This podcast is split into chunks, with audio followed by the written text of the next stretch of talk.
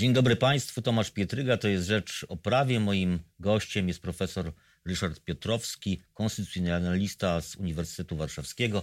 Witam panie profesorze bardzo dzień serdecznie. Dobry, dzień dobry panie redaktorze, dzień dobry państwu. Jakie wrażenia po wczorajszym dniu w parlamencie? Pozytywne. Wszystko się zaczęło i zaczęło się tak, jak powinno się zacząć. Nastąpiło ukonstytuowanie się y, tych y, organów y, w Sejmie i w Senacie. I można powiedzieć, że parlament jest zdolny do działania. Mhm. On chyba dosyć różni się od, od tego, który był w ósmej kadencji, prawda? Dosyć, dosyć, dosyć składem i chyba będzie trochę inny niż, niż, niż ten, który zakończył pracę. Tak, wydaje się, że e, czeka nas ciekawy okres, e, no, nie mający precedensów w okresie tych ostatnich 30 lat.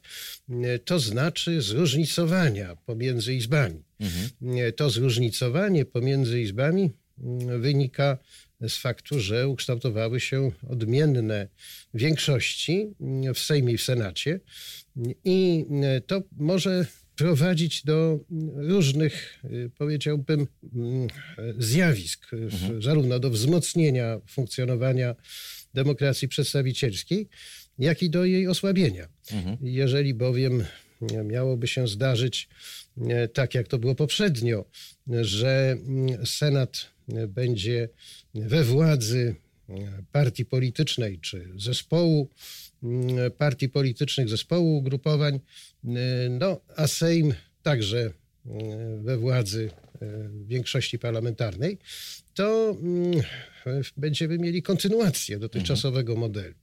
Jeśli natomiast okaże się, że w konsekwencji Senat ma szansę na to, by stać się ponadpartyjną Izbą Społecznej Kontroli Władzy, to perspektywa bardzo interesująca i może uzasadniająca właśnie tę dwuizbowość, którą mamy w Polsce. Ale kontroli władzy, bo też są takie głosy, że to może być taki antypis, już, już schodząc na, na, na język polityczny, czyli taka y, raczej próba totalnego blokowania wszystkiego, co robi większość sejmowa. No, jeśli antypis, to by oznaczało, że mamy kontynuację dotychczasowego modelu. Mhm. ten... To, że, że tutaj jest realna siła. No, ten, ten model jednak w Senacie był jednak inny niż teraz. Teraz jednak większość senacka jest po stronie opozycji. To nie jest taki dokładnie sam model jednak taki sam nie, ale e, on jest, że tak powiem, organicznie identyczny. Mhm. Bo cóż to znaczy, że mielibyśmy antypis? Mhm. No to znaczy, że większość senacka byłaby we władzy partii politycznych, czy też mhm. ugrupowań politycznych. E, no, a tak było i dotychczas. Tyle tylko, że e, to inne ugrupowania niż w Sejmie. Tu jest, prawda, różnica istotna, mhm. ale ten element upartyjnienia Senatu pozostawałby niezmieniony. Mhm. Tymczasem e, szansą byłoby właśnie to, ażeby Senat e, wzniósł się ponad e, przyziemną, pragmatyczną partyjność i był w stanie wystąpić w stosunku do Sejmu w roli takiego społecznego, obywatelskiego kontrolera. Bez który, polityki to bardzo trudne. To bardzo trudne, ale to jest możliwe. Z tego punktu widzenia możliwe, że istnieją różne kryteria podejmowania decyzji państwowych, optymalizacji decyzji. E, z jednej strony mamy to polityczne, zwykle absolutyzowane, co prowadzi do fatalnych skutków, tak gdy chodzi o sposób tworzenia prawa, jak i o mm, jego jakość, że tak powiem, społeczną.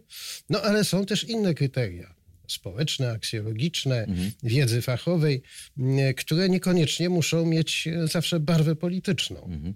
A e, jak pan profesor ocenia trwałość? No mamy Wczoraj obserwowaliśmy wybory. No, ta opozycja jakoś, jakoś udało jej się stworzyć większość. Czy to może to, czy to będzie trwałe, czy to jest, czy tu jest za dużo różnych czynników, które mogą tą trwałość większości opozycyjnej łatwo rozbić. Ryzyko nietrwałości jest tutaj oczywiste, mhm. ale to trochę zależy od wielu zróżnicowanych czynników, no w szczególności od tego, jaki będzie wynik wyborów prezydenckich, jaka będzie sytuacja gospodarcza, jaka wreszcie będzie sytuacja zewnętrzna, międzynarodowa. To wszystko będzie miało wpływ mhm. na trwałość tej obecnej większości, która jest bardzo niewielka. Mhm. Ale mm, wyjątkowość mm, sytuacji polega właśnie na tym, że mm, ukształtowała się alternatywa do większości sejmowej i tym samym w obrębie systemu ustrojowego, a nie w opozycji do systemu ustrojowego, mamy nieco różne spojrzenie na sprawy publiczne. Mhm. Mamy szansę taką. I mm, ta różność może być zarówno paraliżująca, jak też i niezwykle twórcza. Mhm. To w dużej mierze zależy od tego, jak Sejm będzie mm, reagował na mm, przedłożenia senackie. Mhm. A jaka jest rzeczywista siła Senatu? Y, no właśnie si siła państwotwórcza, właśnie siła do kształtowania polityki, siła wreszcie oddziaływania społecznego. Jaka, czy ona jest rzeczywiście realna? No bo teraz ten Senat nigdy nie był w takiej sytuacji, że, że był jednak mm, y, izbą, który jest opanowany przez opozycję w stosunku do, do, do, do, do większości sejmowej. To jest trochę nowa jakość. Jaka jest jej rzeczywista siła właśnie w takiej, w takiej konfiguracji? Mamy dwuizbowość nierównoprawną. To mhm. znaczy z założenia Senat jest, mówiąc tak y, potocznie, słabszy od Sejmu. Mhm. Ale mm, ta słabość jest względna, dlatego że jeśli by Senat był w stanie mm, utrzymać y, tę swoją większość, no to wtedy mógłby powodować, że ustawy y, będą uchwalane w Sejmie większością bezwzględną, mhm. nie większością zwykłą, jak to jest w standardzie, ale większością względną, jeśli Senat okaże sprzeciw. Mhm. To może wymagać zarówno w Senacie budowania tej większości, jak i w Sejmie budowania większości bezwzględnej. Mhm. To czyni proces ustawodawczy nieprzewidywalnym. Nie da się w jednym miejscu, w jednym pokoju powiedzieć, tak ma być. Mhm. I ta ustawa będzie uchwalona w 24 godziny. Mhm. To jest bardzo istotne. Dalej, Senat ma uprawnienia dotyczące wnoszenia projektów ustaw i prowadzenia całego postępowania, łącznie z wysłuchaniem publicznym, które by poprzedzało wniesienie projektu ustawy w Sejmie. Mhm. No, to jest ten krok w stronę e, mediów, w stronę funkcjonowania Senatu w przestrzeni publicznej. Wreszcie Senat e, wyraża zgodę e, na przykład na powołanie Rzecznika Praw Obywatelskich. To znaczy, że nie możemy w pełni swobodnie decydować o tym, kim ten Rzecznik Praw Obywatelskich będzie. Także w odniesieniu do innych ważnych figur na scenie państwowej, e, stanowisko Senatu jest istotne. Mhm. Wreszcie Senat może wszcząć postępowanie zmierzające, no nie sam, mhm. do tego potrzebowałby powiedzmy ze stu posłów. No to, to, to jest możliwe w tej, w tej postępowanie zmierzające do pociągnięcia prezydenta do odpowiedzialności konstytucyjnej. Czyli przed Trybunałem Stanu. Przed Trybunałem mhm. Stanu. To by wymagało wniosku 140 członków Zgromadzenia Narodowego, powiedzmy 40 senatorów i 100 posłów.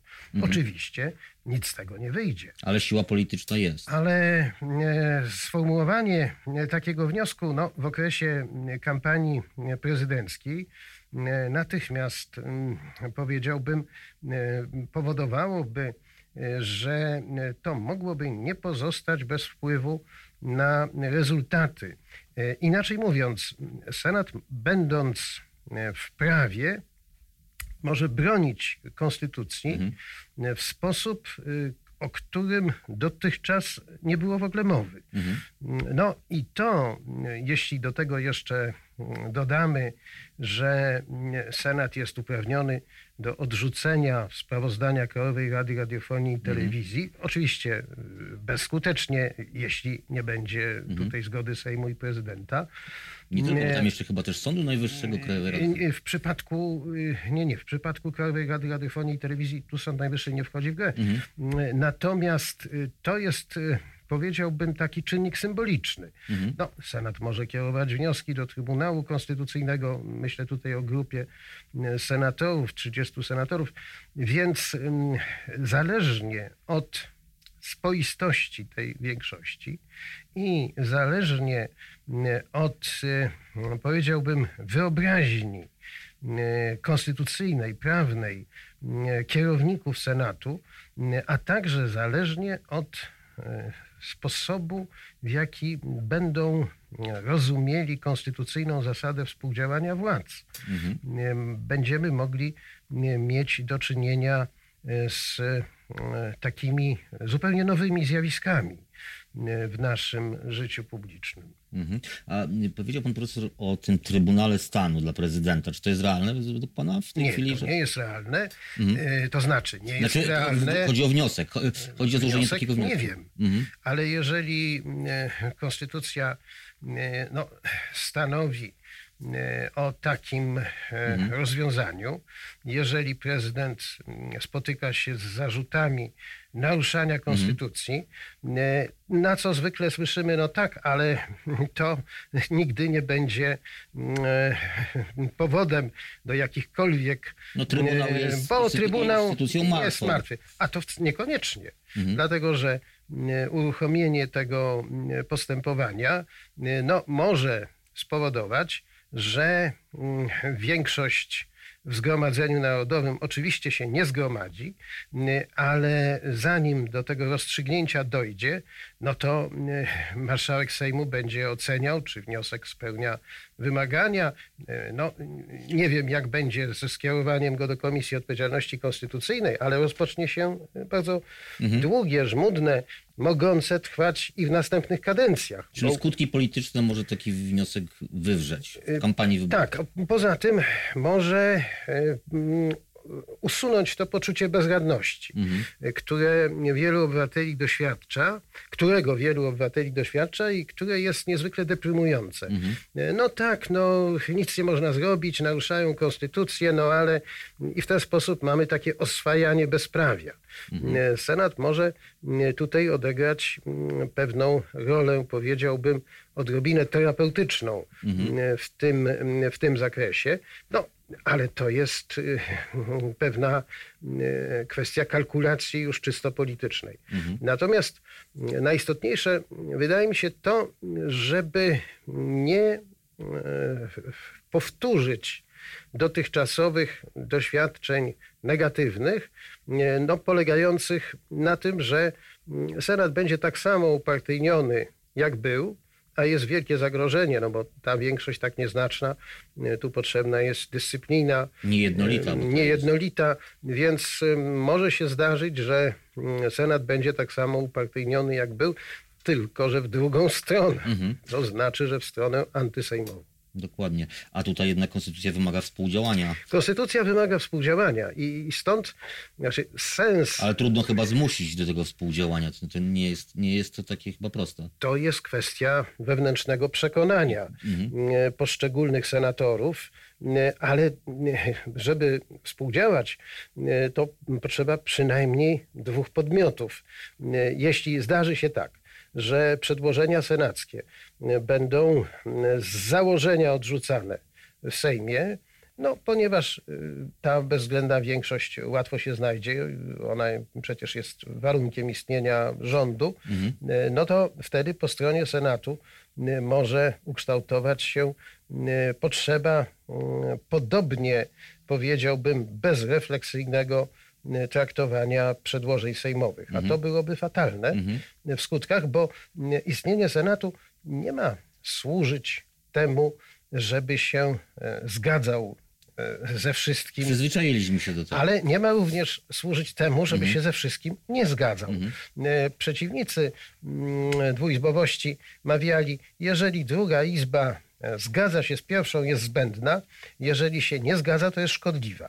E, Ta teza. Może stąd y, te pomysły na likwidację Senatu, bo takie się po- pojawiają dosyć No, często. tak, one są logiczne, ale to mm, wynika no, po pierwsze z upartyjnienia mm, Senatu mm, i z takiego przekonania, że jakość prawa nie jest istotna, a przecież istnienie Senatu może w znakomity sposób służyć poprawieniu jakości prawa, a tym samym poprawieniu losu mm, obywateli. No ale z drugiej strony trudno wymagać, żeby y, y, Senat był niepartyjny, skoro y, tak naprawdę trafiają do niego wyłącznie, pra, prawie wyłącznie przedstawiciele partii politycznych. To oni mają się oderwać nagle od, od, od, od swoich korzeni, od wszystkiego, zaplecza, to, to jest niemożliwe. I to jest właśnie porażka dwuizbowości, E, bo e, ten e, partyjny, powiedziałbym, dogmat, dogmat e, m, lojalności partyjnej, e, on paraliżuje instytucję dwuizbowości.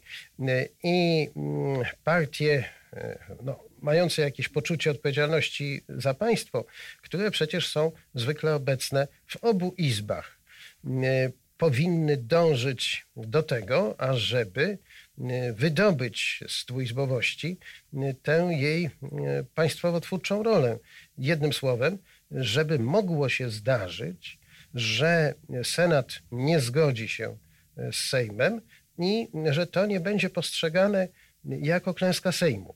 Przypominam sobie takie wystąpienie pana e, senatora e, Kazimierza Kuca, świętej pamięci, marszałka seniora, który mówił, że Senat jest patologiczną gumką, myszką Platformy Obywatelskiej. E, No, z kolei pan prezydent Kwaśniewski w przemówieniu z okazji mm, 80. rocznicy odnowienia e, Senatu e, pytał, dlaczego senatorowie zgodziliście się na rozwiązania naruszające prawa człowieka. I Miał na myśli taką ustawę o deklaracjach majątkowych i abolicji podatkowej. Dlaczego się zgodzili? No bo partia kazała. I teraz mm, to nie musi być koniecznie tak, że sprzeciw Senatu jest klęską partii. Sprzeciw Senatu może być traktowany jako e, sukces partii, ponieważ najważniejsze jest to, żeby prawa obywatelskie były respektowane i najważniejsze jest to, żeby konstytucja była przestrzegana. Jeżeli e, partie polityczne zechcą to zrozumieć, m, to wtedy e, być może Rzeczpospolita e, będzie miała się lepiej niż ją ma w tej chwili. Tak, ale pytanie, czy wyborcy to zrozumie, zrozumieją, bo y, raczej y, to, że dokonują, dokonują takiego, a nie innego wyboru do Senatu, a dokonują politycznego wyboru, to coś oznacza, tak? Znaczy, y, wydaje się, że te kwestie stojące ponad polityką nie są takie istotne. Nie może to jest brak jakiejś świadomości politycznej większej. Oczywiście w tej chwili wyborcy nie mogą inaczej wybierać, ponieważ społeczeństwo jest politycznie podzielone, ale to Mhm. A tak chyba wynika... zawsze było. To ch- chyba za- zawsze te proporcje Tak, y, nie tak. polityków w Senacie to, to, to zawsze Tak, były i minimalne. Dlatego, I dlatego zawsze Senat odgrywał taką rolę, Mhm. powiedziałbym, dość minimalną. A gdybyśmy tak ustrojowo jeszcze przeszli, czy to dałoby się zmienić, gdybyśmy na przykład jakoś wyregulowali wybór Senatu w Konstytucji inaczej? No, próbowano to zrobić poprzez mm, y, instytucje wyboru w okręgach y, jednomandatowych. Mhm. No ale to nie gwarantowało, że to nie będą politycy. No tak, ale tutaj nie wystarczy wprowadzenie okręgów jednomandatowych. Trzeba również dać możliwość finansowania ze środków publicznych kandydatów niekoniecznie partyjnych. Y, Proponowałem takie rozwiązanie kilka lat temu. E, e, sz- Szczegółowo opisałem je w, w jednym z moich tekstów, ale e, politycy odnieśli się do tego, e, no powiedziałbym, bez entuzjazmu. Trudno się dziwić. Ponieważ to ogranicza ich władzę. Tak. I Senat upodmiotowiony w ostatecznym rachunku zmniejsza władzę polityków. Ten, kto ma władzę, no, nie godzi się na to, żeby ją dobrowolnie komukolwiek oddawać. Dlatego e, trudno o optymizm e, w tej sytuacji. być może zrealizuje się taki scenariusz, że większość senacka no, będzie występowała w roli barykady w stosunku do większości sejmowej, obrońców tej barykady wolności, mhm. którą wielu chce widzieć w tym nowym Senacie.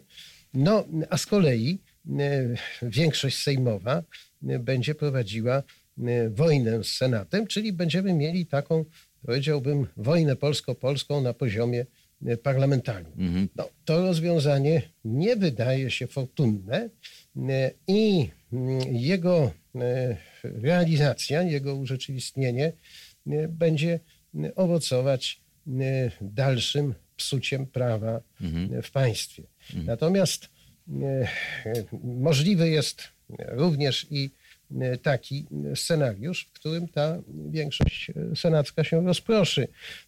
No, senatorowie ją współtworzący, przynajmniej niektórzy, powiedzą, no tak, to wszystko jest polityka, nie ma żadnego sensu, troska o dobro wspólne, bo liczy się reelekcja, liczy się ścieżka kariery politycznej, Wobec tego bardzo dziękujemy.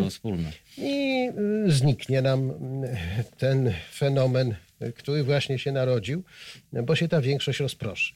Y, ten scenariusz, o którym ja myślę, to znaczy Senat spełniający swoją ustrojową rolę strażnika dobra wspólnego, to jest najmniej realny scenariusz. To bardzo negatywna opinia, ale na tym musimy skończyć, bo czas nam się e, skończył. Bardzo dziękuję panie dziękuję profesorze. Bardzo. E, profesor Ryszard Piotrowski, konstytucjonalista z Uniwersytetu Warszawskiego był moim gościem, a ja zapraszam na jutro na godzinę dziewiątą na Rzecz o Polityce.